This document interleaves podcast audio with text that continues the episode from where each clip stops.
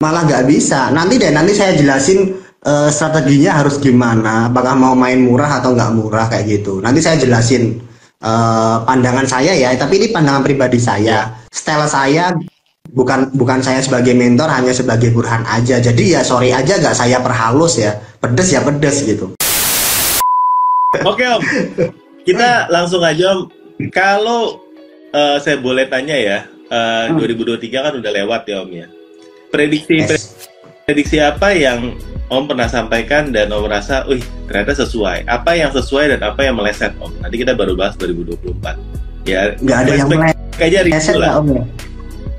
Kayaknya nggak ada yang meleset yang diprediksi kemarin kayak kenaikan admin fee uh, itu hanya mundur aja sebenarnya, hanya mundur aja.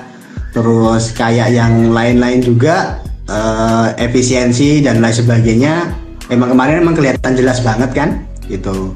Kalau tahun ini gimana? Kalau tahun kemarin kayaknya saya juga lupa ya kemarin nyampeinnya apa aja ya. Kan instan-instan aja itu obrolan instan ya. Jadi nggak inget-inget banget. Tapi yang pasti uh, tentang kenaikan, tentang uh, price war-nya, tentang efisiensi marketplace-nya.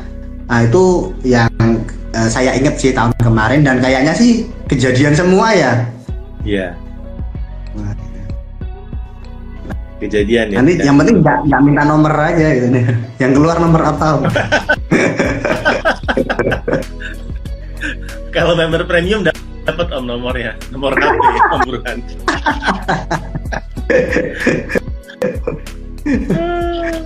Oke, berarti 2023 hal apa yang mengagetkan Om? Apa dari TikTok tutup terus buka lagi mengagetkan atau memang oh, ya. kayaknya ada hal apa yang menurut Om di luar prediksi lah dan dan ini kita nanti mau lanjut ke 2024 harusnya kayak gimana? Coba. Hal apa yang membuat saya yang out of uh, rencana plan saya itu cuma satu. Jadi likuidasi stok saya yang lebih lambat. Nah, hanya itu aja. Kita bicara soal likuidasi stoknya Om deh, kan kalau teman-teman ngikutin dari Om Burhan ya, uh, orderannya berarti drop banget ya Om ya, sampai harus likuidasinya itu uh, cukup lambat. Nah ini kenapa Om? Apakah dengan jual murah nggak membuat barangnya jadi laku? Gak, Gak bisa om, nggak udah saya jual murah nggak laku. Saya jual 50% nggak laku. Uh, ya laku tapi nggak secepat itu mungkin faktornya karena memang terlalu banyak om. Karena faktornya terlalu banyak dan salesnya nggak setinggi itu juga yang mumpuni. Dan ternyata yang mayoritas keluar tetap barang yang lagi tren aja itu itu kan yang kebanyakan desktop kan emang emang barang-barang yang udah udah lalu-lalu ya Nah itu emang lebih susah ngeluarinya. Tetap aja yang mayoritas keluar uh, tetap diimbangi sama produk-produk yang lagi tren aja gitu. Cuman mungkin karena bagi saya ya mungkin size-nya itu terlalu besar om waktu itu kan. Ukurannya itu kan hampir 6 miliaran kan om. Buang kayak gitu kan gak gampang. Oke baik. Berarti nih ya kalau boleh saya simpulkan satu, kalau ada seller yang baru buka toko online jualan produk dengan harga murah itu belum tentu ngangkat trafficnya. Oh malah malah nggak bisa, malah nggak bisa. Nanti deh nanti saya jelasin uh, strateginya harus gimana. Apakah mau main murah atau nggak murah kayak gitu. Nanti saya jelasin uh, pandangan saya ya. Tapi ini pandangan pribadi saya, ya. style saya bukan bukan saya sebagai mentor hanya sebagai burhan aja jadi ya sorry aja gak saya perhalus ya pedes ya pedes gitu pahit ya pahit ini gitu. kita suka nih kalau bisa sepedes ini burhanologi ya teman-teman ya. Jadi jangan jangan jangan baper, jangan apa ini bukan buat nyindir ya. siapa-siapa. Tapi ini burhanologi jadi uh, yang menurut Om Burhan uh, tepat harusnya kayak gini. Nah, jadi oh. gimana nih Om? Boleh gas gas. Oke. Okay. Tapi disclaimer dulu ya, ini bukan saya itu uh, nebar fear, nebar pesimis, semuanya itu hanya penyampaian realistis biar yeah. teman-teman itu dapat pandangan mungkin ya dari pandangan saya aja gitu aja ya kan? Ya kalau yang nggak cocok mungkin abaikan aja. Kalau yang pertama gini om. Marketplace itu kan udah berjalan dari tadi tahun 2012 2015 ini kan sudah hampir 10 tahun kan yeah. om berarti mereka itu uh, ini kita ngomongin dari sisi makroekonomi investor besarnya mereka ya rata-rata investor itu kan biasanya mereka pengen balik-balikan itu kan sekitar 10 sampai 15-an tahun kan. Ah, makanya sekarang kan efisiensinya itu udah besar-besaran gitu. Nah, apa yang perlu saya sampaikan ke teman-teman? Jadi, apa yang mereka kejar marketplace kejar itu adalah profitable dari sisi marketplace-nya. Gimana mereka bisa profit otomatis ya kan? Dari satu sisi ya dari admin fee, dari biaya iklan dan lain sebagainya. Maka yang saya sampaikan nih termasuk algoritma 2024 gua algoritma ya prediksi saya. Pertama itu pasti akan ada kenaikan harusnya loh ya. Sekarang ini kan baru 15% kan. Nah, baru 15 persen Baru ya? harusnya akan naik lagi ya kan akan naik lagi kemudian yang kedua itu pasti eh, apa ya kalau teman-teman nyebutnya kan acos ya acos atau atau benchmark iklan itu harusnya juga itu akan lebih naik lagi karena itu adalah sumber pendapatannya mereka kayak gitu. Ya. Jadi otomatis untuk menutup biaya admin fee, kemudian untuk menutup biaya-biaya iklan dan lain sebagainya, mau nggak mau teman-teman nggak bakal bisa untuk jualan murah kayak gitu. Terus pandangan saya gimana lagi sih? Saya jujur aja ya belak-belakan ya. Kalau pandangan saya marketplace itu susah untung, susah untung bener. Kalau dia hanya jualan iklan, jualan eh, komisi, fee dan lain sebagainya itu bakal berat banget. Mereka itu bakal berat banget untuk untung. Makanya kalau kayak Amazon pun kan mereka eh, pendapatan terbesarnya itu kan malah dari cloud-nya kan. Sedangkan di Indonesia kalau Shopee itu mau jualan cloud, saya kira susah. Saya kira susah. Makanya pandangan saya arah semua marketplace itu adalah mereka itu eh, second arm-nya itu adalah bagian finance di keuangan om. Shopee dengan Shopee Pay, si banknya itu pasti bakal diperketat lagi kayak gitu. Nanti mungkin TikTok kan udah gondeng apa gandeng si Goto ya, otomatis dia kan punya GoPay gitu. Kalau Al- Lazada nggak tahu ya kok Alipay-nya kok belum masuk-masuk itu saya juga juga kurang tahu. Kayak Ali Lazada itu eh, soal update paling belakangan gitu ya. Yang lain punya Shopee Video, punya video, punya live. Lazada baru live-nya aja videonya belakang-belakangan itu pun gabung sama Fit dan performanya juga nggak sebagus yang lain-lainnya juga. Tapi eh, di sisi itu kembali lagi mungkin prediksi saya tidak di tahun 2024 tapi akan mulai akan mulai eh, mereka akan menguatkan second arm-nya mereka itu di bagian finance ya. Jadi mereka cari untungnya itu adalah di bagian finance karena itu adalah bisnis yang paling gampang. Om. Nah, siapa target mereka? Jadi mungkin ya menurut saya besok itu bakal kencar banget soal pendanaan untuk seller dari marketplace Om. Jadi kemungkinan ya ini ngomongin kemungkinan aja. Terus karena kan mereka punya data nih, seller mana yang profitable, seller mana nih yang yang salesnya oke dan lain sebagainya. Nah itu yang akan ditarget mereka untuk eh, istilahnya itu pendanaan. Karena kalau keuangan itu kan mereka dapat dapat istilahnya itu untung gedenya itu kan dari kredit kan. Dan musuhnya kredit itu kan NPL kan. Eh, orang yang dikasih kredit tapi nggak bisa bayar kan gitu.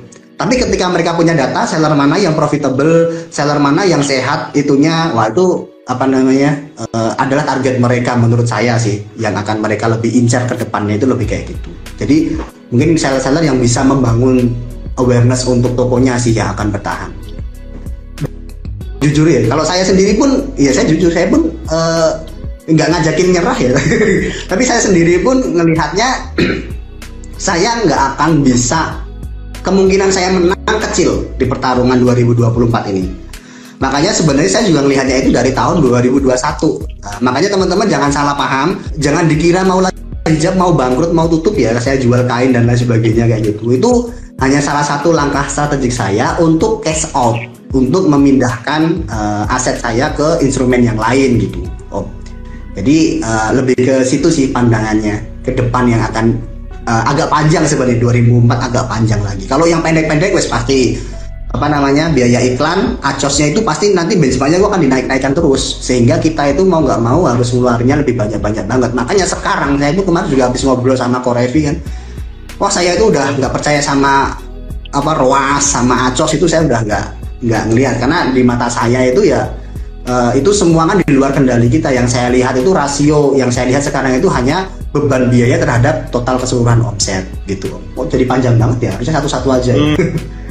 lebar ini ya intinya Oke. Oke.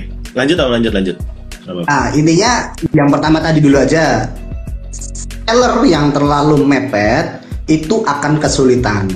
Akan kesulitan untuk mengamankan marginnya. Kecuali kecuali memang dia marginnya itu mepet tapi bersih gitu. Jadi dia udah pinter perhitungan pada saat penentuan biaya tentang biaya adminnya, rasio biaya operasionalnya, biaya beban sewa, biaya apa apa dan benar-benar dia ngambil margin sisanya itu tipis gitu. Itu mungkin malah mungkin bisa kayak gitu ya. Mungkin bisa. Tapi tetap aja kembali lagi teman-teman harus ngehitung. Kan kita namanya bisnis kan ada ROE ya return on equity ya. Kita modal berapa nanti returnnya berapa. Kan harus selalu kayak gitu. Nggak bisa kita cuman kayak wah uh, jalan aja tiba-tiba duitnya nggak ada gitu kan ya. Nah makanya penting banget uh, punya laporan keuangan yang baik ya yang sehat margin yang sehat dilihat juga ROE-nya itu yang sehat berapa ROE yang sehat semoga lah teman-teman uh, punya benchmark masing-masing kalau saya sendiri pribadi uh, kalau masih di bawah 20% saya mendingan lari ke instrumen yang lain sih Om karena saya punya instrumen lain yang hasilnya lebih dari 20% gitu. Oke. Okay. nah, ini uh, saya coba summary aja ya yang dari Om uh, sampaikan. Yang pertama, biaya iklan akan semakin naik ya 2024 ya. Ini algoritma 2024 biaya iklan acos efektivitas iklan akan semakin naik. Jadi bad news buat teman-teman ya masih uh, coba iklannya tipis-tipis maksudnya irit seirit-iritnya itu akan semakin sulit ya. Rata-rata uh, toko akan ke rata-rata kategori jadi kalau sudah scale up istilahnya udah puluhan juta pasti akan lari ke rata-rata dari kategori yang uh, teman-teman mainkan ya. Ya istilahnya nggak ada yang bisa sampai jago sampai jauh dari rata-rata sih uh, kemungkinan kecil lah ya kalau teman-teman main iklannya semakin besar.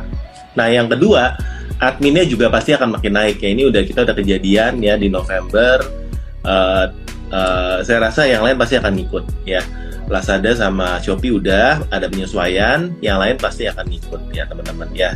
TikTok sama Topet saya rasa tinggal tunggu waktu nanti setelah lebih stabil. Tapi sebelum mereka uh, integrasinya sempurna istilahnya pasti masih belum dulu ya. Jadi pasti itu akan tinggal tunggu waktu. Nah uh, kesimpulan yang lain uh, yang ketiga teman-teman kalau dari sisi tadi tadi dari dari sisi marketplace-nya mereka akan mulai ngambil untungnya dari tempat lain, tapi berarti mereka akan memaksimalkan semua keuntungan yang ada dari marketplace. Jadi teman-teman yang masih sampai sekarang gratisan, ngarepin traffic gratisan itu akan semakin sulit. Bener ya Om ya? Akan semakin sulit ya. Nah, algoritma 2024 menurut saya ya baik di Shopee atau di Tokopedia ini uh, terbagi jadi tiga kalau dari saya yang menjadi fokusnya yaitu di iklan, di live, sama di affiliate. Nah ini saya mau minta pandangannya Om Burhan nih di antara tiga ini. Karena yang satu bisa dibilang organik live ya live organik nggak organik lah ya Om. Tapi bisa dibilang saat ini masih organik lah ya. Uh, affiliate sama affiliate juga sebenarnya organik tapi ada bayarannya middle lah ya setengah-setengah. Kalau paid ads ya iklan ya pasti berbayar. Nah menurut Om Burhan gimana Om kalau dari antara ketiga ini live, affiliate, dan iklan? Kalau affiliate setuju, agree saya. Itu nanti jadi salah satu uh, solusi karena munculnya nanti uh, kreator-kreator uh, itu untuk ngebantu kayak gitu kan ya. Iklan harus pastilah, pasti itu akan akan sulit banget lepas dari sana. Nah kalau untuk affiliate itu kan kalau affiliate kan kita hanya pasang affiliate nanti biar affiliate yang atur ya kita nggak nggak nggak nggak akan saya nggak akan dalam-dalam di sana kalau soal iklan dulu mungkin arahnya akan lebih ke otomatisasi ya. Jadi iklan-iklan otomatis mungkin performanya akan akan membaik. Uh, iklan-iklan otomatis. Jadi seller mungkin akan lebih fokus di uh, bidang yang lain gitu ngadain barang, cari barang-barang yang lagi tren, uh, perbaikan bisnis internalnya mereka kayak gitu. Jadi nggak nggak yang dari pagi sampai sore hanya ngulik-ngulik iklan terus kayak gitu. Mungkin otomatis akan lebih performanya akan makin baik gitu ya. Saya juga udah udah riset sih om uh, di saya dan di beberapa temen itu ternyata uh, performa iklan otomatisnya itu udah mulai-mulai lebih membaik lagi gitu. Nah makanya kembali lagi saya juga kalau acos dengan angka acos yang segitu besarnya pun kan saya udah nggak masuk tuh makanya saya udah nggak pakai angka acos lagi tuh untuk e, parameter utamanya saya malah pakainya adalah rasio dari beban iklannya itu terhadap total pendapatan. Jadi misalkan let's say let's say saya itu ikhlasnya beban biaya iklan yang bisa ditahan produk saya itu 10%. Tinggal saya hitung aja, Om. Tinggal saya hitung aja uh, oh ini beban iklannya ini kalau dengan total pendapatan apakah masih di bawah 10% atau enggak kayak gitu. Karena sometimes ya gini kalau kita ngomongin iklan bicara tentang organik sama iklan kan ada dua dua dua kubu ya. Yeah. Kadang ketika acos kita itu kita itu bagus, itu organiknya malah pendapatannya turun gitu. Oke. Okay. Ya kan? Anggap aja misalkan nih bulan bulan A bulan satu uh, kita itu rata-rata pendapatan di 150 juta gitu. Acosnya itu pas bulan satu itu bagus gitu. Uh, bagus misalkan acosnya 10 lah ya 10 persen gitu. Nah ternyata pendapatan dari iklannya itu banyak, sedangkan pendapatan dari organiknya itu lebih mungkin lebih sedikit, lebih berkurang. Yeah.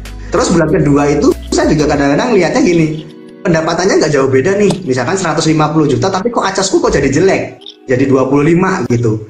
Iya pendapatan dari iklannya itu kecil, tapi apa namanya pendapatan dari organiknya itu naik. Jadi kayak karena kan itu di luar kontrol kita ya om ya, kita kan nggak tahu ini pendapatan yang diklaim dari iklan yang mana, pendapatan yang tidak diklaim iklan yang mana, itu santai itu. Makanya dan itu karena itu di luar kontrol saya, uh, saya langsung berfokus gini aja. Sesuatu yang uncertainty ya, yang tidak jelas itu tidak bisa kita pakai jadi dasar. Saya gitu jadi.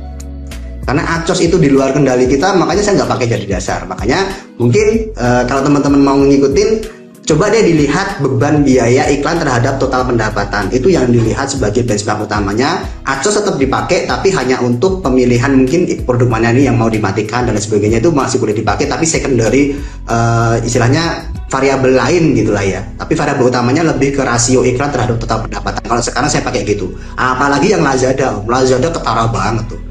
Lazada itu ketara banget, kayak manipulatif banget gitu kan. Kan sekarang kan saya dari bulan mungkin yang ngikutin IG saya, bulan Desember eh dari akhir November itu kan saya ngepush Lazada kan. Bahwa saya otak atik otak itu bener-bener kok gini? gitu kan ya. Oh ternyata mungkin kayak kayak kayak bener-bener di luar uh, istilahnya di luar kontrol kita. Yang bener-bener full kontrol kita itu adalah di budgeting kita gitu di budgeting. Jadi kalau misalkan beban biaya iklan terhadap total pendapatan itu bagus kita bisa mulai menambah uh, istilahnya budget iklan kita berdasarkan dari profitable uh, usaha kita kayak gitu. Itu iklan. Jadi otomatis sama mungkin rasionya itu lebih lihat perhatikan juga uh, rasio iklan terhadap total pendapatan. Bukan hanya acos-acosnya aja gitu atau ruas lah kalau di kalau di Lazada kan ya. Sama aja lah. Itu istilah aja. Tuh terus kalau kemudian tadi yang ketiga itu adalah left. Oke ini uh, saya agak simalakama simalakama biaya gitu ya karena pertama gini om itu kan uh, mungkin kalau yang kita ngobrolin live-nya TikTok sama live-nya marketplace itu kan beda kultur ya. Kalau live-nya marketplace itu kan orang-orang masuk marketplace karena mereka udah sadar betul mau cari barang, mereka nyari kadang-kadang ada pop up live-nya gitu um, bikin mereka lebih gampang dan lebih yakin meningkatkan konversi mereka. Sedangkan kalau live-nya TikTok itu kan masih live-live sosial media kan kalau sekarang. Jadi itu lebih impulsif buyer kan kayak gitu.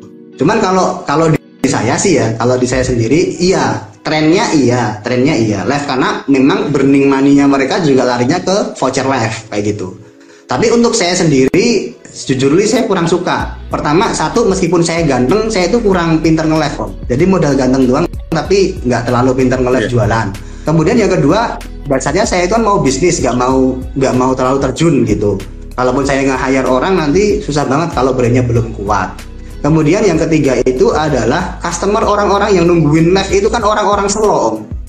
Orang-orang slow itu cenderung besar itu saya nggak nggak ngeremehin atau gimana. Yang saya itu lebih seneng target-target kaum kaum menengah om. Kaum yeah. menengah yang naku dia cari beli. Tapi kalau yang bener-bener dari jam 7 sampai jam 8 dia nontonin live kayak gitu tuh itu kaum kaum slow kayak gitu tuh biasanya sifatnya lebih ke cheaper buyer dan impulsif buyer itu saya jujur saya kurang suka. Makanya untuk live sendiri saya sendiri itu di tempat saya nggak terlalu saya push push banget jadi live nya pun live live fun om udah karyawan seadanya live aja manfaatin voucher aja udah untuk itu aja nggak saya push banget banget kayak gitu itu kalau saya ya kan eh, pandangan saya karena saya nggak suka dengan tipikal buyer yang yang kayak gitu gitu kalau di saya sih Ya, Kalau ya, di Cina yang, kayaknya jalan. Ada yang komen katanya Om Burhan jujur li ganteng katanya. ya itu penyakit dari lahir sih udah susah banget diobatinnya gitu. ya jadi uh, tadi menarik ya. Kita kalau kalau bahas lagi tadi yang uh, saya coba rekap ya teman-teman ya. Ini burhanologi ya. Uh, saya saya coba rekap. Kalau misalnya Om bilang tadi soal iklan deh ya. Ini ini ini balik yang tadi ya. Soal iklan otomatisnya sekarang lebih bagus le, lebih bagus daripada dulu ya. Kalau kita nyalain otomatis ya tapi penyakitnya sekarang Om ya yang saya temukan di banyak seller ya. Kalau sudah jalan kita udah nggak bisa udah kecandu. Udah udah candu om kayaknya ya. Mau tambahin yang kata kunci manual pun kalau di Shopee ya. Kadang-kadang udah nggak gerak sama sekali manualnya karena otomatisnya udah jalan banget. Tapi kalau mau dimatiin nggak berani. Karena omsetnya udah gede dari sana om. Udah nyandu. Gitu. Nah yang kedua pertanyaannya om. Kalau memang sangat tergantung sama iklan sampai 90% omset dari dari iklan. Nah ini juga satu candu yang berbahaya juga akhirnya. Karena udah bergantung banget sampai organiknya tuh nyaris nggak ada ya. Nah itu kayak gimana om? Coba yang yang yang yang dua hal itu. Oke yang pertama itu uh, kalau otomatis tadi gimana? Lebih uh, mau nambahin ya otomatisnya jadi, nyala uh, manualnya jadi jadi jadi candu. gitu ya. Jadi candu. Akhirnya cuma bisa dikutak-kutik ya tambahin saldonya aja. Istilah budget harian modal harian di, di dijaga. Tapi udah nggak okay. bisa dikutak-kutik kadang-kadang jelek ya bisa jelek. Bagus juga kita nggak bisa kontrol ya kan? Kesannya kayak kita nggak bisa ngapa-ngapain. Nah akhirnya kalau yang udah terlalu besar manualnya pasti nggak jalan biasanya. Mau dimatiin pun kita nggak berani karena udah terlalu gede porsi iklannya Asia sih. Oke, jadi yang pertama gini om, kalau kalau saya ya, karena memang untuk saat ini saya itu yang tipikal uh, istilahnya saya nggak mau mikirin apa yang udah dipikirin sama algoritmanya mereka. Oke, kita lihat dulu, coba kita uh, berpikirnya ngikutin struktur saya dulu. Pertama, pada saat kita pada saat kita ngiklan itu kan ada yang dikontrol kita, ada yang dikontrol oleh algoritma marketplace-nya, kan gitu, dua hal. Oke, okay, apa yang bisa kita kontrol itu adalah budget, hajas budget aja, budgetnya. Karena apa? Misalkan kata kunci mau otomatis ataupun mau mau manual, kita cari manual, kemudian kita atur bid sendiri, ya cuma sebatas itu aja. Soal uh, targeting customer, uh, order mana yang diakui sebagai order dari iklan, itu kan sistem dan kita nggak tahu kayak apanya kayak gitu. Makanya saya udah bodo amat. Gitu. Bodo amat om. Jujur pertama karena memang mungkin ya mungkin ini teman-teman boleh gak ikutin. Uh, saya itu selalu yang saya tekankan ke saya adalah dashboard iklan itu manipulatif bagi saya. Gitu. Makanya itu terserah terserah mereka aja. Mana mau yang diakui jadi iklan dan mana yang enggak gitu kan. Jadi saya hanya berfokus pada apa yang bisa saya kontrol penuh. Apa itu? Hanya budgetnya aja. Makanya sekarang saya pun kalau ngiklan kayak gitu jadi otomatis saya nyalakan. Semuanya sekarang otomatis saya nggak pakai manual sama sekali ya. Nggak pakai manual sama sekali. Mau dia dapat dapat apa ya dapat bagus dapat jelek atau bitnya mahal itu udahlah. Kalian atur aja lah Shopee atur aja gitu.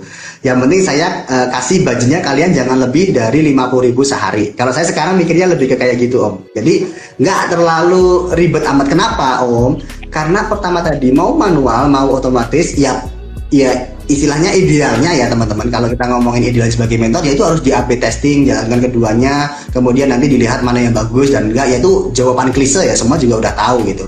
Cuman yang mau saya sampaikan mau manual pun teman-teman atur bid dan lain sebagainya itu kan nanti ujung-ujungnya kepada siapa iklan kita muncul kapan dan uh, uh, istilahnya uh, penjual mana aja yang diakui iklan itu kan terserah Shopee-nya dan kita nggak tahu ya dan kita nggak tahu. Ujung-ujungnya muncullah acos 20 ujung-ujungnya muncullah acos 15 kita sama loh produk yang diiklanin sama. Sekarang acosnya bagus besok nggak bagus dan sebagainya. Ya biarin mereka aja. Karena saya percaya bahwa mereka juga akan mengatur-ngatur supaya itu bagus dengan dasar dengan dasar produk kita itu emang layak jual dulu gitu istilahnya. Jadi emang produk kita itu layak jual harganya juga rasional gitu loh. Nggak harus termurah uh, tapi juga jangan jangan mahalnya terlalu over banget kecuali punya value yang lebih lah atau punya brand tersendiri itu monggo gitu. Pertama kayak gitu. Jadi jujur saya itu mau otomatis mau manual udah udah angkat tangan saya om. Udah angkat tangan. Karena yang saya lihat di algoritmanya itu udah ini udah di luar kendali saya itu di mereka. Kalaupun mau manual itu kita sebatas pemilihan kata kunci sama besaran bit aja. Besaran bit pun itu kan juga suka-suka mereka nantinya uh, kita ngebit 200 kita mau tampil berapa dan lain sebagainya itu ujung-ujungnya suka-sukanya mereka. Kata kunci itu, itu kan dua kali kerja. Kita milih kata kunci di manual itu kan sama aja. Kata kunci yang bagus itu kan yang ada di judul yang relevansi dengan judulnya. Saya itu tipe kal yang uh, gini om dari sisi kan saya dulu programmer om. Pada saat saya ngebangun sistem kayak gini itu udah ada yang namanya cluster index.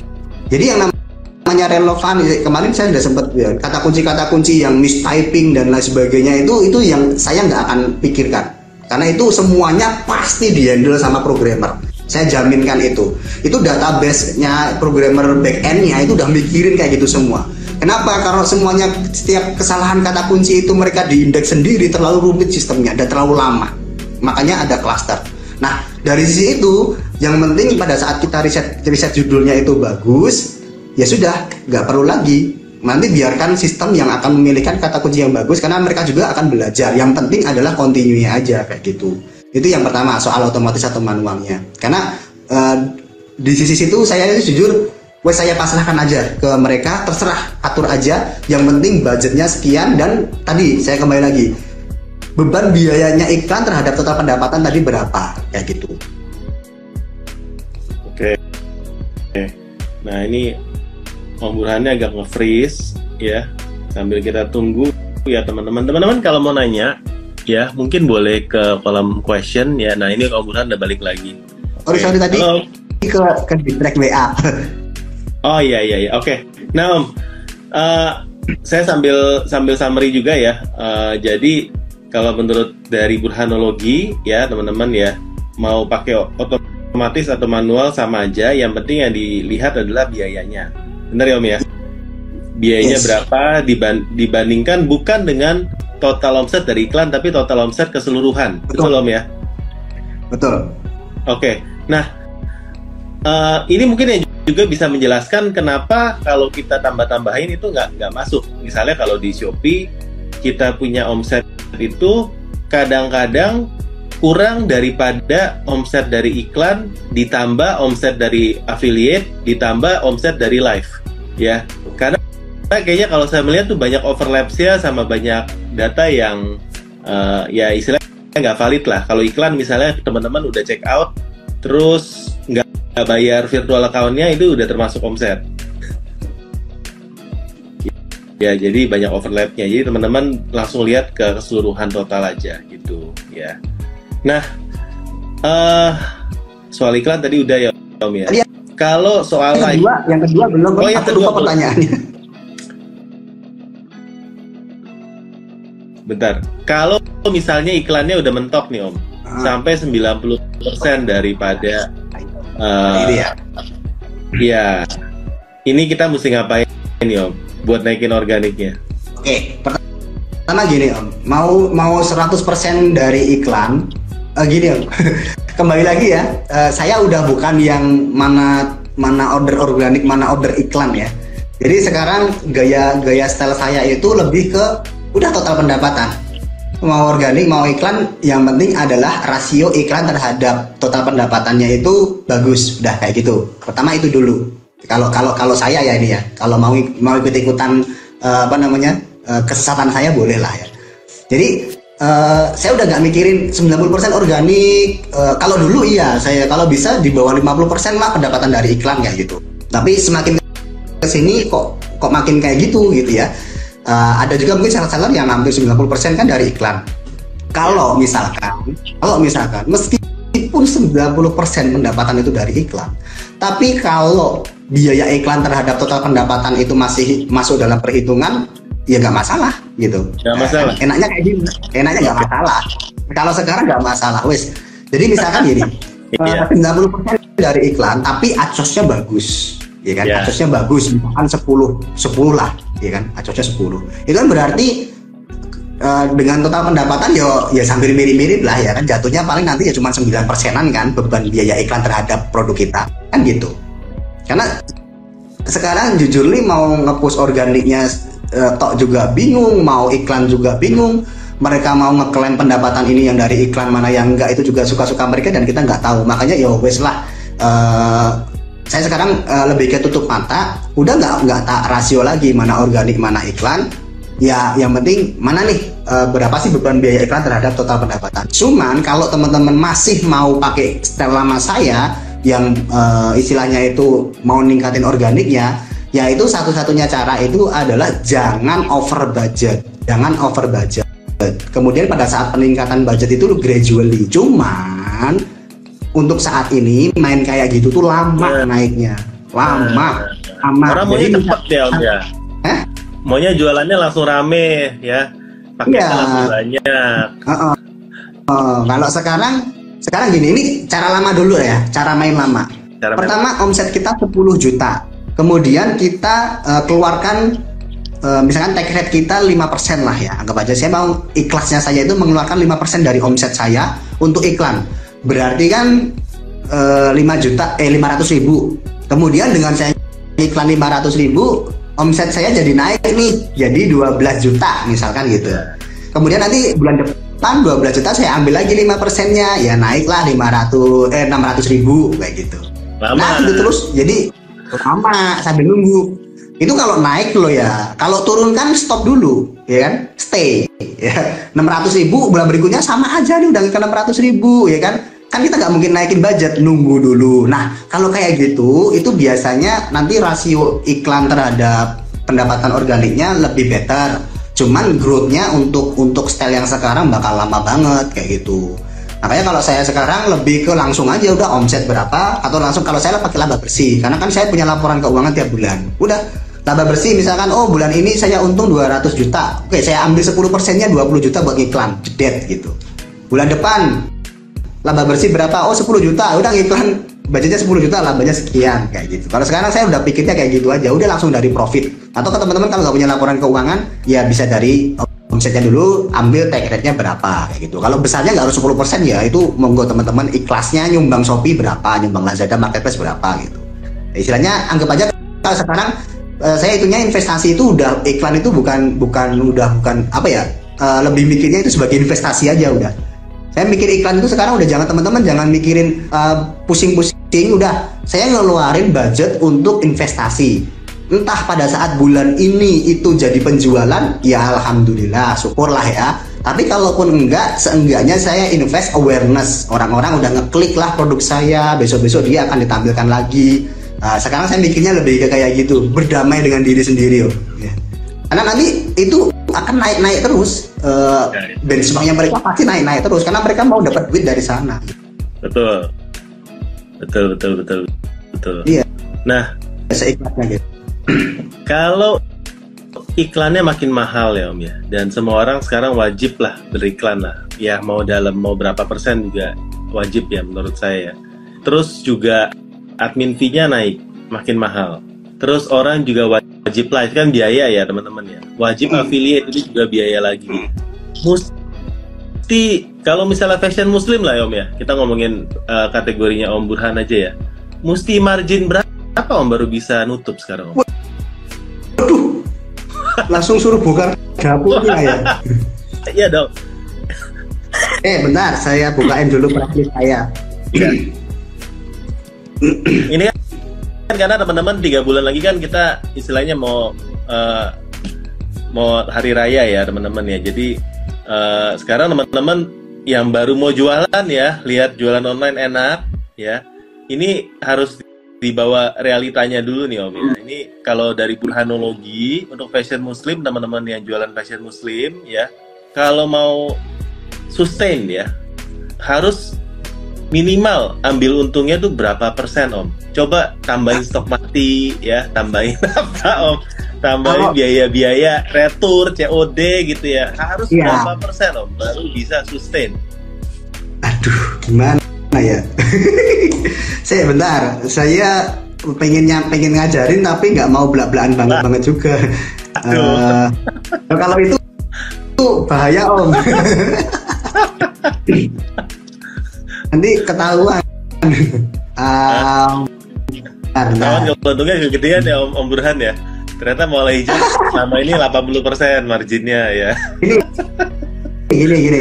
Uh, mungkin saya, saya sorry ya kadang-kadang kan ada sesuatu yang kita nggak bisa sampaikan yeah, banget yeah. banget ya.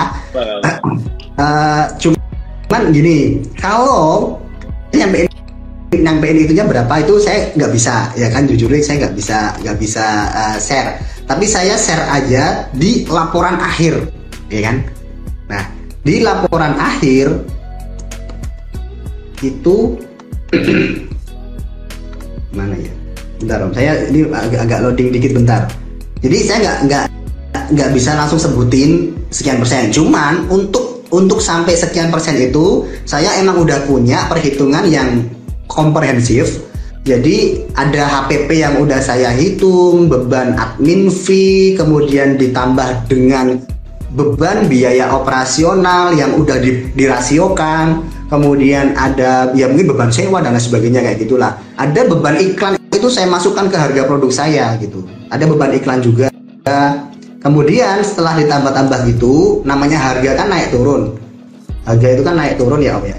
Kan kadang-kadang kita ada campaign, ada ikut flash sale dan lain sebagainya. Nah, tapi setelah di laporan keuangan saya bulanan ya, bulanan itu biasanya, oh sorry salah.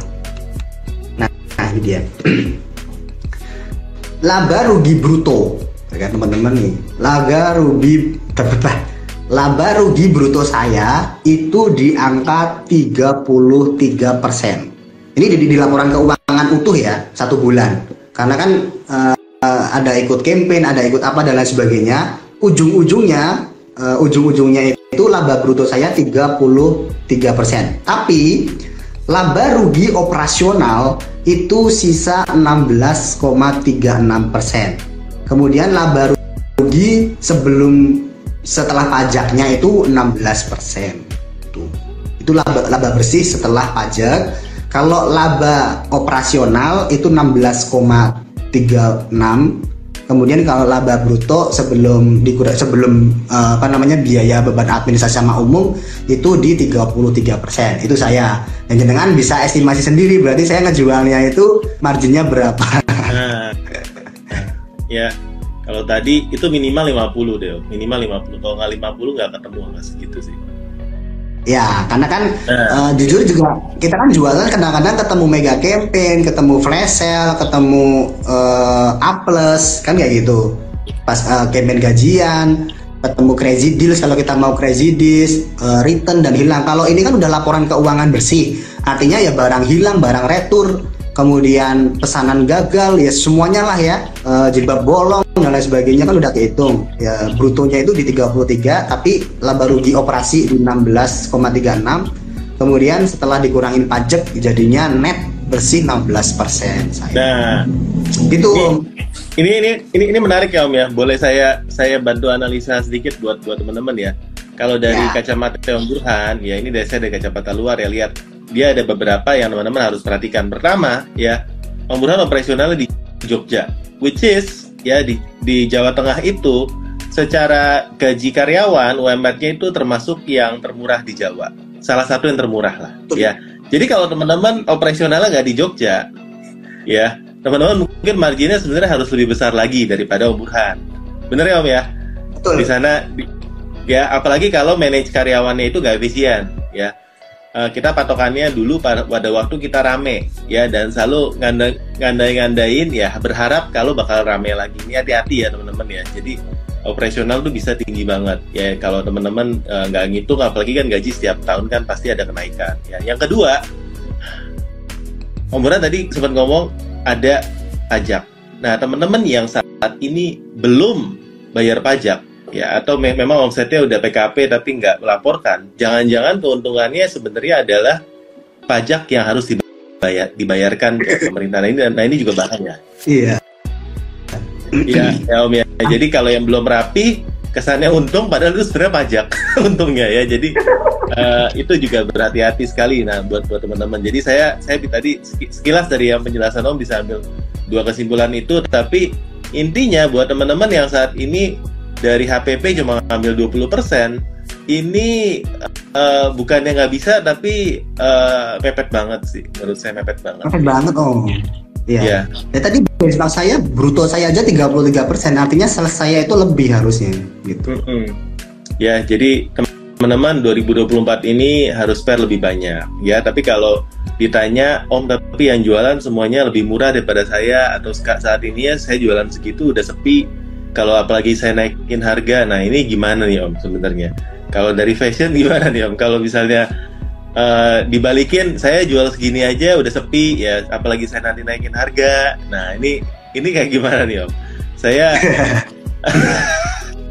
saya mau iklan dari mana? Budgetnya nggak ada untuk iklan ya buat profesional aja udah tutup udah nggak nutup om gitu om Oke, ini agak pedes ya omongan saya ya. Tapi sebenarnya tadi uh, angka itu juga naik turun ya Om ya. Jadi nggak tiap bulan saya 16% juga net gitu. Ada kadang kali kalau justru kalau campaign-campaign besar Ramadan kayak gitu itu biasanya cuma di angka uh, 7 sampai 10-an aja kayak gitu nggak nyampe 16 kalau biasa gitu tapi tapi nominalnya lebih gede gitu itu kan tadi persentasenya nah kemudian berikutnya teman-teman kalau misalkan ini aja jualan kayak gini udah susah tinggi lebih susah uh, kita harus naikin harga gimana oke teman-teman dengerin saya ya ini mau burhanologi teman-teman ya dengerin ya Jangan ke mana-mana ya. Setelah pesan-pesan ya. berikut nanti kita akan tampil.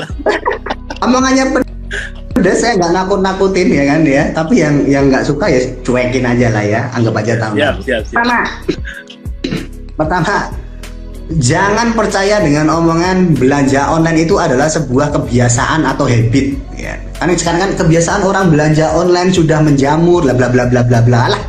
Uh, uh, apa namanya? Uh, pacana Belanja online itu adalah solusi. Karena solusi berarti kita harus bayar lebih. Ke depan ketika nanti udah rasional, ini pegang ngomongan saya ya, belanja online akan lebih mahal dibandingkan belanja offline. Nah, itu ketika marketplace-nya udah rasional, uh, ekspedisi udah rasional dan seller udah rasional. Itu yang pertama. Karena online adalah solusi maka buyer harus membayar lebih ya kan istilahnya gitu harus membayar lebih mahal untuk solusi ke uh, sederhanaan itu kesimpelan itu kemudahan itu mereka harus mau bayar lebih mahal ke depannya bakal kayak gitu makanya saya itu berharap betul marketplace makin efisiensi itu mendekati rasional.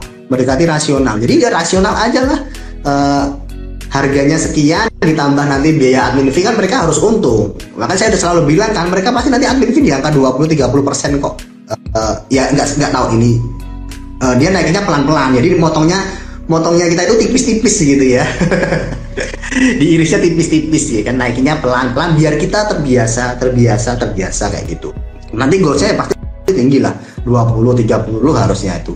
Harusnya loh ya kalau saya jadi marketplace tuh saya naikin sampai 30 persen gitu. Tapi uh, bertahap ya kan bertahap. Nah itu pertama ya. Jadi jualan itu akan pasti itu. Yang kedua yang kedua uh, traffic sendiri ya marketplace sendiri itu tidak suka dengan cheaper customer. Eh, percaya saya. Kalau saya jadi CEO-nya Shopee CEO-nya Tokopedia CEO-nya Lazada kita sendiri itu pun juga tidak suka dengan cheaper customer karena yang kita cari adalah loyal customer nantinya gitu cheaper customer ketika nanti belanja online itu lebih mahal, mereka akan akan istilahnya uh, istilahnya apa ya? pindah. Pindah kan mereka sifatnya kan pindah-pindah gitu ya. Pindah-pindah kayak gitu. Nah, makanya yang dicari adalah loyal nih yang mungkin level-level keuangan kayak kayak Om Bota gitu kan duitnya banyak ya. Dia kan mungkin Amin. enteng lah beli online beda dua puluh lima ribu nggak apa-apa lah. Yang penting aku nggak kehujanan. Kayak saya kan gitu kan. Aku pengen beli ini aduh males kepanasan takut item kan aku gitu. Ya udah aku beli online aja kan. Ya kan uh, duitku banyak ini ya itu boleh bayar customer kan. Itu rasional besok kayak gitu. Kemudian yang ketiga ini jujur aja ya teman-teman. Selain tadi kan berarti kan customernya akan berkurang ya customer itu akan berkurang itu ciper-ciper itu akan hilang hilang hilang hilang hilang hilang jadi akan uh, pasarnya mulai mulai akan akan rasional. Tapi efek bagusnya adalah rantai distribusinya hidup lagi. Nah, sekarang kan teman-teman ya kan produsen di online ketemu dengan end customer itu kan motong banyak rantai ya kan ya. Ya mungkin besok uh, meskipun nggak sebanyak dulu-dulu rantai-rantai distribusi itu mungkin akan hidup lagi kan uh, itu pegang saya. Kemudian yang ketiga, sorry itu saya teman-teman seller pun juga bunuh-bunuhan gitu. Nggak akan semuanya bertahan, nggak akan semuanya bertahan karena uh, yang bisa bertahan nanti yang mampu untuk membangun istilahnya itu loyal customernya yang mampu untuk memanage itu semua itu nggak banyak. Sorry itu saya mungkin yang kecil-kecil itu bakal banyak yang kepites gitu. Ya, ya. jujur aja ya saya ini pandangan saya ya pandangan saya. Kenapa? Dengan biaya yang lebih mahal dan lain sebagainya itu uh, mungkin pendapatannya lebih turun akhirnya teman-teman jadi susah bergerak. Atau kalau enggak mungkin online ini juga jadi pekerjaan sampingan makanya saya selalu bilang di grup-grup saya itu kalau bisa ya kan mulai dipikirkan sumber income lain gitu. Sumber income lain yang tidak hanya bergantung pada MP aja. Saya nggak nakut-nakutin. Jadi ketika nanti kita di MP ini nggak bisa bertahan setelah mereka itu uh, jadi rasional dengan dinamika sekarang yang berubah-ubah ya makanya coba cari alternatif lain. Saya pun juga kayak gitu. Saya melihat ini itu bukan tahun ini bukan tahun 2023 dari tahun 2021 ya kan? Makanya teman-teman yang mungkin yang ikutin saya saya itu udah mulai cash out river itu udah dari tahun akhir 2021 nah, ketika TikTok lagi rame-ramenya tuh saya itu udah mulai uh, apa namanya uh, cash out saya ya cash out uang. Berapa yang saya cash out saat ini? Saya udah cash out 70%. Targetnya adalah 90%. Gitu. Ya itu saya pindahkan ke sumber income yang lain kayak gitu. Jadi sorry itu saya kayak gitu sih Om. Jadi memang uh, pandangan saya ke depan yang naikin mau nggak mau ya naikin harga. Saya pun juga naikin harga. Tapi teman-teman kalau soal harga kalau teman-teman nggak masuk ya naik naik aja gitu. Saya pun tahun Januari ini kan naik kan uh, admin mall ya saya pun juga naik gitu berdua amat orang mau beli dan lain sebagainya udah saya saya lebih lebih sakit ya. Kan lebih daripada nggak ini kalau nggak laku itu mending daripada laku tapi rugi itu lebih sakit om daripada nggak laku bagi saya ya. Lebih menyakit yeah. kan om laris tapi rugi itu kayak kayak udah capek ya kan? Udah capek udah berkeluh kesah berdarah-darah ya kan? Kena kena plester sampai berdarah-darah ya. Lebih banget ya. Tapi kan keren itu om. di di flexing keren om. Paket saya rame seneng ribuan orderannya kan seneng om Ya mungkin kalau 2024 teman-teman bisa kenyang karena keren, monggo lah. Tapi kalau nggak bisa kenyang karena keren, ya sorry ya. Jadi uh, makanya dilihat teman-teman biasanya yang kayak gitu nggak punya laporan keuangan. Ya coba dia. Mumpung ini juga Januari kan teman-teman mau lapor pajak juga mulai dilaporkan eh dirapikan laporan keuangan. Karena teman-teman nggak bakal bisa bayar pajak kalau laporan keuangannya nggak rapi kan gitu. Nah itu nanti dari laporan keuangan itu ketahuan nih oh sehat nih oh nggak sehat nih oh returnnya kecil ya ternyata. Nah kayak gitu loh om. Jadi kita bisa ngambil decision yang lebih besar gitu. Kayak saya berani ngambil gitu.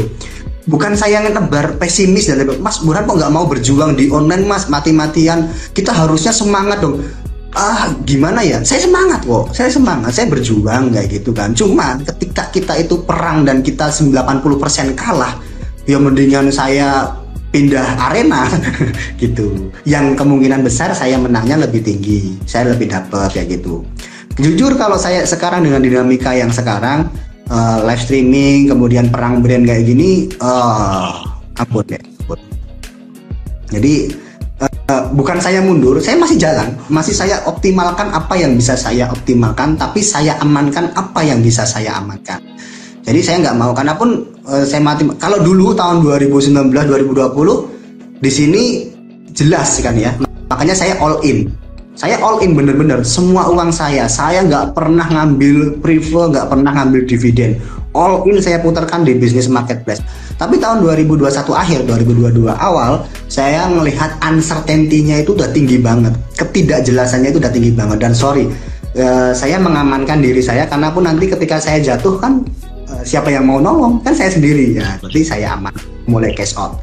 Kayak gitu. Jadi mulai eh, yang lain juga. Kalau soal harga saya juga naikkan. Admin fee marketplace naik ya saya juga naik. Kayak gitu. Bulan Januari ini saya naikkan semuanya harga-harga saya gitu mau laku ya alhamdulillah nggak laku ya gimana caranya biar laku kan gitu kalau cuma naik admin fee itu kan semuanya naik jadi nggak usah diambil pusing lah ya kan? yang penting marketplace jangan sampai jualan paket aja deh ampun kalau itu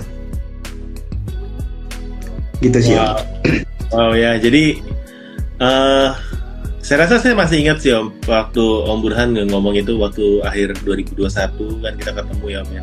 Terus 2022 Ya. Tengah juga kita ketemu ya. Jadi saya relate banget ya eh, dengan ini. Dan memang eh, bisa dibilang kan waktu kemarin itu kan puncaknya online itu kan pas 2021 lah ya. 2022 2023 ke sini sampai ke 2024 saya rasa ada penurunan ya. Sekarang pun sebenarnya masih kelihatan naik karena dari TikTok masih bakar tahun ini. Benar ya Om ya? TikToknya masih bakar jadi kelihatannya eh, kelihatannya rame di, di media tapi nggak tahu aslinya seperti apa. Enggak om. Itu TikTok itu menurut saya juga akan mulai rasional deh kalau kalau logika ya.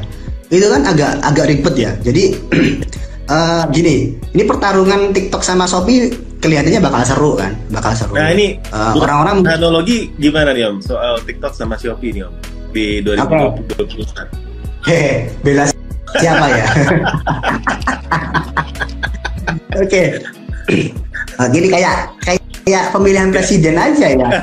Lazada, eh, Tokopedia sama Shopee lah ya sekarang.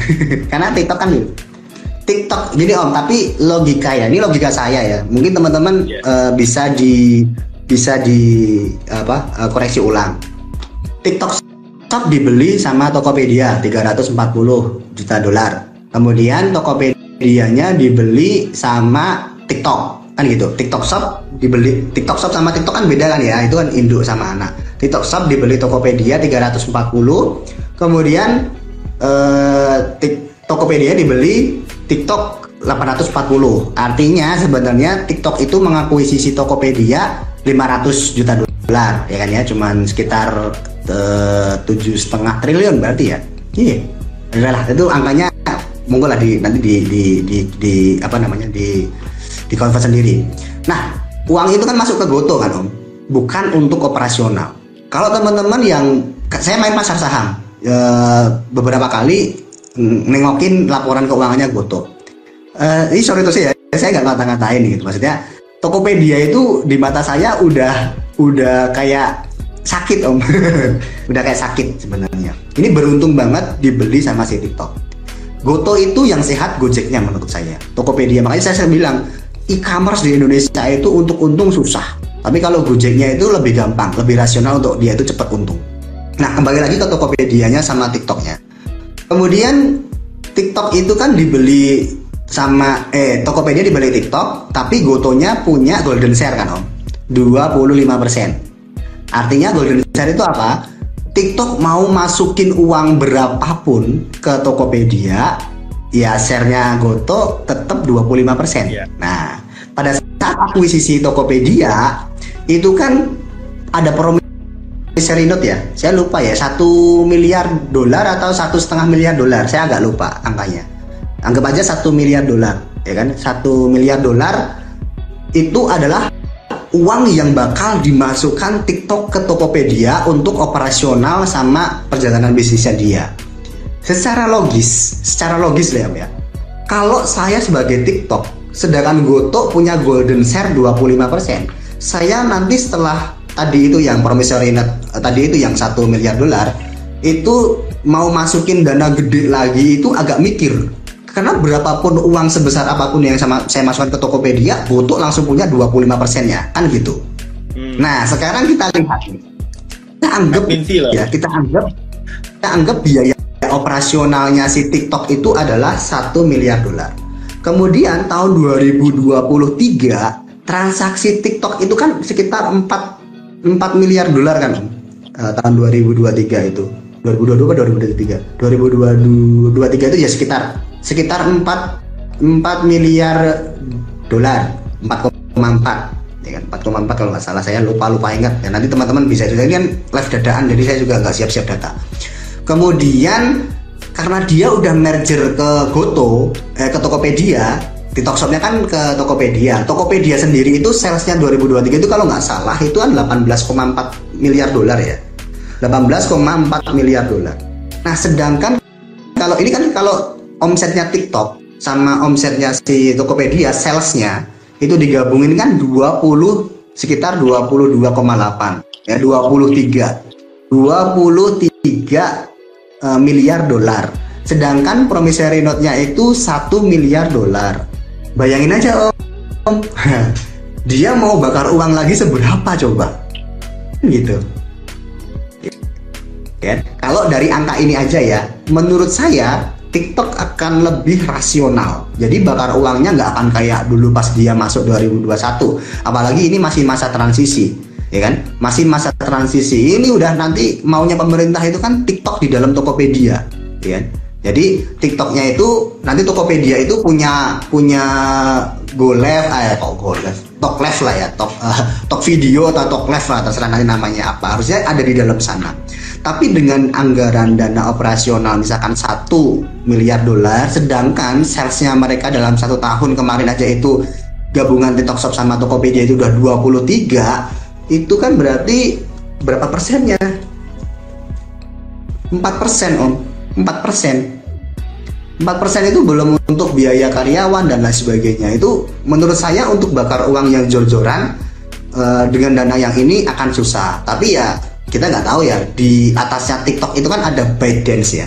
ya ini kalau kalau TikTok versus Shopee mungkin masih masih imbang-imbangan. Saya kira untuk TikTok dia nggak akan burning money gede-gedean, tapi admin fee-nya itu masih kecil sih dia. Dia akan lebih lebih lihat-lihat dulu mau ningkatin uh, fee-nya. Makanya fee di sana kan di Tokopedia sama itu kan belum naik kan. Meskipun Lazada sama Shopee naik, Tokopedia ini masih belum naik gitu tapi bakar uang yang gede-gedean tak kira enggak tak kira enggak dan ketika nanti kita usah enggak bakar uang gede-gedean ya sorry maaf aja. Kemarin tuh sales tinggi di TikTok, TikTok hype kayak gitu kan karena bakar-bakar uangnya gede banget om. Yeah. ya kan orang belajar di TikTok murahnya gila ampun. Ya kan? dan yang di sana itu tipe-tipe bayar impulsif. Bayar impulsif mau nggak mau harus dijedak dengan sesuatu yang murah yang tiba-tiba spektakuler kayak gitu kan. Kalau nggak siapa yang tertarik kan kayak gitu. Ya kan? Nah, berarti kalau untuk bakar-bakar TikTok versus Shopee, tak kira TikToknya juga nggak bakal bakar-bakar banget deh, nggak bakal bakar-bakar banget. Dan itu kan juga pemerintah kan juga udah mulai apa gembor-gemborin kan, jangan jangan apa ya bakar-bakar uang parah-parah lah kayak gitu. Jadi bakar uangnya lebih rasional menurut saya ya. Uh, mereka lebih ke arah efisiensi, Shopee mulai efisiensi, Lazada pun juga mulai efisiensi, ya kan? Mungkin yang berat dengar kan mereka lagi kalau nggak salah lagi layoff karyawan gede-gedean juga tuh yeah. untuk efisiensi ya kan Shopee juga uh, Tokopedia apa? Uh, Tokopedia saya sekarang saya bilang Tokopedia aja lah ya itu udah include TikTok di dalamnya. Itu tak kira juga bakal uangnya akan lebih rasional kalau saya lihat uangnya kecuali ByteDance-nya campur tangan. Nah ini induknya TikTok ByteDance itu kan induknya TikTok. ByteDance itu kan valuasinya gede kan itu kan tapi ya hampir mirip-mirip sama Tencent lah ya. Tencent Alibaba ByteDance itu kan valuasinya mirip-mirip tuh. Tapi kalau misalkan nanti ByteDance saya ikut-ikutan, saya kira juga Tencent kayak Shopee juga pasti ikut-ikutan juga. Nah, itu uh, tapi kayaknya enggak sih, enggak sih kalau untuk bakar uang gila-gilaan lagi itu uh, saya kira enggak. Tapi kalau bakar uang iya, tapi enggak gila-gilaan. Mereka masih dalam bakar uang yang rasional. Kemudian soal traffic nih Om, uh, mereka traffic marketplace tak kira juga akan cenderung flat ya, cenderung flat. Uh, mungkin kalaupun hilang itu hanya hanya traffic-traffic sampah-sampahnya aja sih yang dibuang-buangin sama marketplace gitu. Karena marketplace itu punya banyak traffic sampah itu. Nah itu uh, tapi nanti untuk orang-orang yang apa ya orang-orang yang cheaper-cheaper itu mungkin akan dikurangin ya. Tokopedia sendiri kemarin saya ngobrol juga mereka sama headnya fashionnya Tokped itu juga mereka kemarin udah bilang udah nggak mau cheaper-cheaper bayar lagi sih om gitu. Makanya di Tokped biasanya promo-promo yang gokil-gokilan kayak gitu jarang gitu. Mereka lebih ngebangun brand biasanya di sana.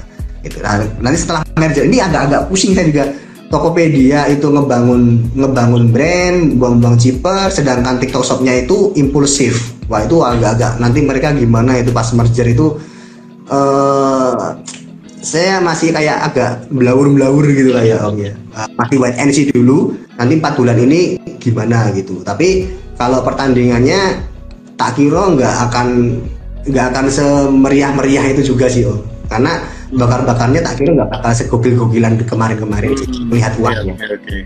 Berarti boleh disimpulkan tahun 2024 ini cukup imbang ya antara Shopee yang saat ini masih jadi marketplace yang paling besar disusul sama Tokopedia. Nanti kita tinggal kita lihat mungkin kalaupun mau digas saya tunggunya tuh habis setelah masa transisi tiga bulan itu selesai. Jadi mungkin setelah lebaran. Jadi tadi baru kita kita bisa lihat nih uh, bakar atau kalau Burhan tadi bilang bukan bakar duit ya, tapi lebih ke spending budgetnya itu bentuknya seperti apa? Karena kita lihat dari Tokopedia sama dari TikTok ini, kalau tadi Burhanologi bilang memang target marketnya beda. Yang satu kan impulse, kalau boleh dibilang impulse atau banyak chip-chipnya ya Om ya. kalau Tokopedia lebih middle, middle up, yang memang lebih loyal buyer di Tokopedia. Jadi kita mau lihat sinerginya seperti apa. Tapi teman-teman jangan melupakan Shopee-nya ya, karena menurut saya uh, teman-teman yang dari tadi ya full fokus banget di TikTok, begitu kena Shopee, eh Shopee bagus juga. Sekarang TikToknya buka lagi, mungkin langsung bilang ah udahlah ya di TikTok lagi. Jangan teman-teman ya, kita semakin banyak uh, tempat untuk jualan semakin uh, baik untuk toko kita ya. Jadi semuanya harus terus dioptimasi ya, baik Shopee, TikTok, Tokopedia, ya, Lazada, ya teman-teman, Zalora, apa pun teman-teman yang masih cuan jualannya teruskan, ya, terus belajar terus, terus optimasi tahun 2024. Kalau memang bisa punya offline juga gas ya offline-nya ya. Karena tadi Burhanologi bilang offline-nya bakal naik. ya, iya. karena admin fee-nya lebih murah di offline sekarang ya dan harga juga bisa lebih murah dan lebih loyal customernya teman-teman. Iya. Saya juga sekarang kebantu offline-nya kok om kalau ngandelin online-nya juga turun gitu. Bahkan kemarin saya juga ngobrol sama teman-teman tuh yang dulunya itu udah top top top top sellernya lah itu udah banyak yang tutup kok top top ya itu kayak ibarat kata lima besarnya itu udah separuhnya tutup gitu. Mana bisa ngobrol sama itu juga wow gitu kan.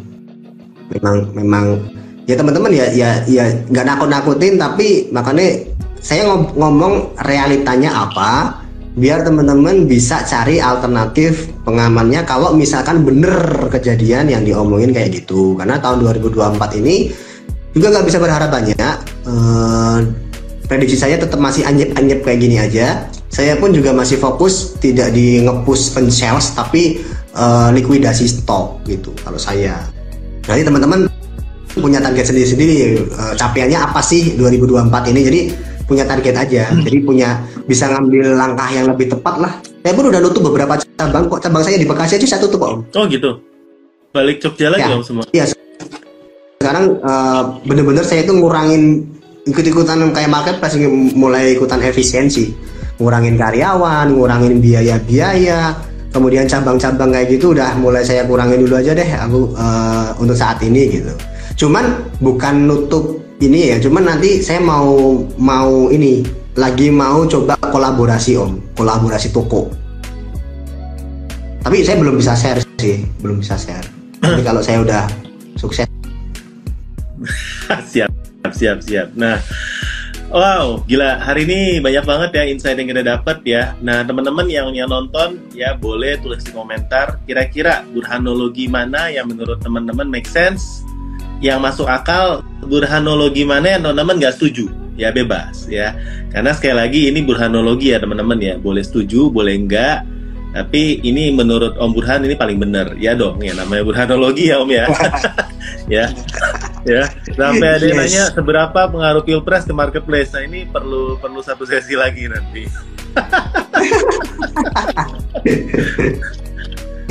ya tapi kalau kalau jawab singkat sih menurut saya harusnya di awal ini kan putaran pertama kalau menuju putaran kedua sih harusnya nggak terlalu pengaruh di lebaran tapi ya kita wait and see lah. Yang penting kita doakan pemilunya aman, itu aja sih. Ya aman damai. Siapa pun ya, yang penting kita masih bisa tetap jualan, api fee-nya nggak naik. Walaupun kelihatannya nggak mungkin om. mungkin naik sih tapi naiknya mungkin akhir-akhir tahun kok kalau nggak akhir tahun malah awal tahun 2025 harusnya kalau pertengahan sih enggak Oke, okay. Thank you banget Om, thank you banget buat teman-teman yang udah join, uh, stay tune di di sini. Yang mau nanti yang mau nanti mau nonton di YouTube juga bisa kita akan share rekamannya di YouTube. Thank you Om Burhan, sehat-sehat selalu, semangat terus Om. Mudah-mudahan kita bisa ada sesi gini setahun sekali Om tahun 2025. Nanti kita akan lihat apakah prediksi Burhanologi tahun 2024 ini tepat atau tidak ya gitu ya teman-teman ya. ya. Selamat selamat beristirahat, semangat buat tahun 2024 dan semoga kita akan lebih baik daripada tahun yang lalu. Oke, okay, selamat malam semuanya. Thank you Om Dan. Sehat-sehat ya. Thank you Om. Yep, thank you.